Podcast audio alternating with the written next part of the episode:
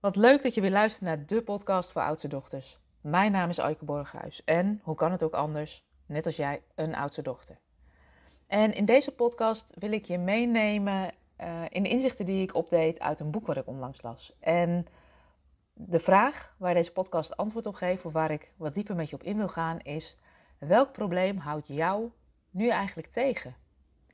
Wat ik, wat ik wel een heel mooi inzicht vond uit het boek is dat we dus allemaal, jij ook, ik ook, een verborgen angst hebben die ons belemmert om een leven te leven wat helemaal past bij ons. Vol liefde, vol verbinding, vol werk wat je voldoening geeft en overvloed. En hij noemde het in het boek het upper limit probleem. En zoals mijn coach het vertaalde toen ik met haar in gesprek was, je bent aan het plafonnen. En het principe van dit plafonnen of het upper limit probleem is dat als het een tijdje goed met ons gaat, dat we ons daar eigenlijk ongemakkelijk bij gaan voelen. En het patroon is eigenlijk vrij simpel. Nadat het een tijdje goed met je gaat, doe je iets om het te verknallen. En je kunt dit misschien herkennen als het goed met je gaat, dat je je zorgen begint te maken. Daar betrapte ik mezelf laatst op. Het gaat op dit moment heel lekker met mijn gezondheid. Het gaat goed in mijn relaties. Het gaat goed in mijn bedrijf. En dat je dan eigenlijk bij jezelf begint af te vragen: ja, maar zo kan het toch niet altijd zo doorgaan? Um, het kan toch niet altijd zo lekker en zo goed blijven gaan? Wat zou er gebeuren als um, het minder goed gaat? En het is dus eigenlijk het, het moment dat alles lekker loopt en dat je je ongemakkelijk gaat voelen omdat het zo lekker loopt. En dan doe je iets om het te frustreren, want alleen al daarover nadenken haalt je energie al omlaag.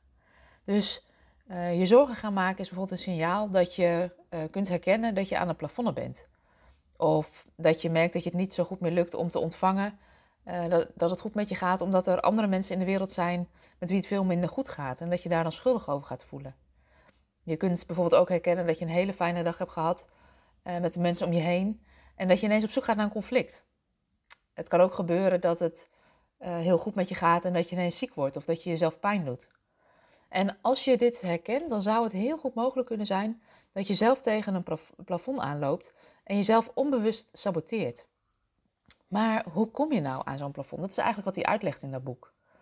En wat hij eigenlijk uitlegt is dat we terwijl we opgroeien allemaal onbewust een thermostaat hebben ingesteld in onszelf die bepaalt hoe goed het met ons mag gaan. En als het beter gaat, dan zijn we geneigd om die thermostaat een beetje naar beneden bij te draaien. Terwijl we deze thermostaat eigenlijk gewoon voluit open zouden mogen zetten. Maar wat triggert nou dat plafond? En hij ontdekte dat er eigenlijk vier barrières zijn, verscholen barrières in ons, um, die dat plafond triggeren. En het eerste is het gevoel dat je het niet kan, dat er iets mis is met jou. De angst om door de man te vallen. En ik denk dat we die allemaal wel kennen. Dat op het moment dat het goed gaat of dat je stappen aan het zetten bent, uh, dat je soms de gedachte krijgt: oh jee, maar straks ontdekken ze dat ik het helemaal niet kan. Of straks ontdekken ze dat ik helemaal niet goed genoeg ben. Um, er is vast iets mis met mij. En die angst om door de man te vallen, die kennen we dus allemaal. Wat er ook vaak gebeurt, is de tweede, is dat je te maken krijgt met een loyaliteitsconflict in jou. En dat heeft er vaak mee te maken dat als het echt goed met je gaat, dat je de angst krijgt om alleen te komen te staan, omdat je het anders doet dan dat je het in je gezin of in je werk hebt geleerd. En dat is spannend, want hoor je er dan nog wel helemaal bij?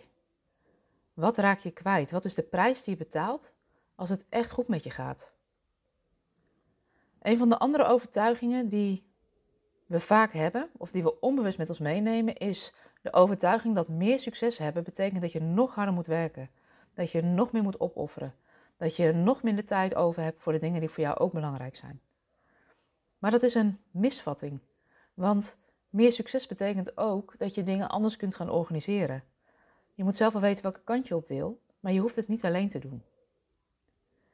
Een van de dingen die we ook vaak denken is dat er minder plek en ruimte overblijft voor anderen als jij je plek en ruimte inneemt.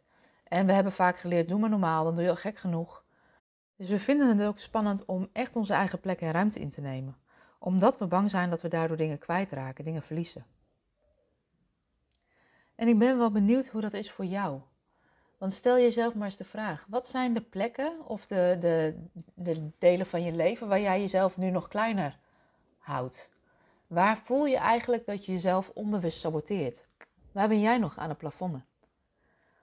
Ik ben heel benieuwd, want op het moment dat je je daar bewust van bent, dan kun je ook stap voor stap gaan kijken wat jou zou kunnen helpen om je niet langer te laten leiden door het plafond, maar dat plafond eigenlijk wat verder omhoog te duwen, waardoor je wat meer kan groeien, wat meer kan ontwikkelen. Waardoor je je niet langer klein houdt, maar echt je eigen plek en ruimte in gaat nemen. Want dat is wat ik je zo ontzettend gun. Heb je na het luisteren van deze podcast een nieuw inzicht of wil je iets met me delen? Dan kun je me altijd even een berichtje sturen op info.aikeborghuis.nl of even een kijkje nemen op mijn website www.oudstedochter.com. Je kunt daar ook contact met me opnemen en eh, weet dat ik het altijd leuk vind om even met je mee te denken, om van je te horen. En voor nu wens ik je een hele fijne dag.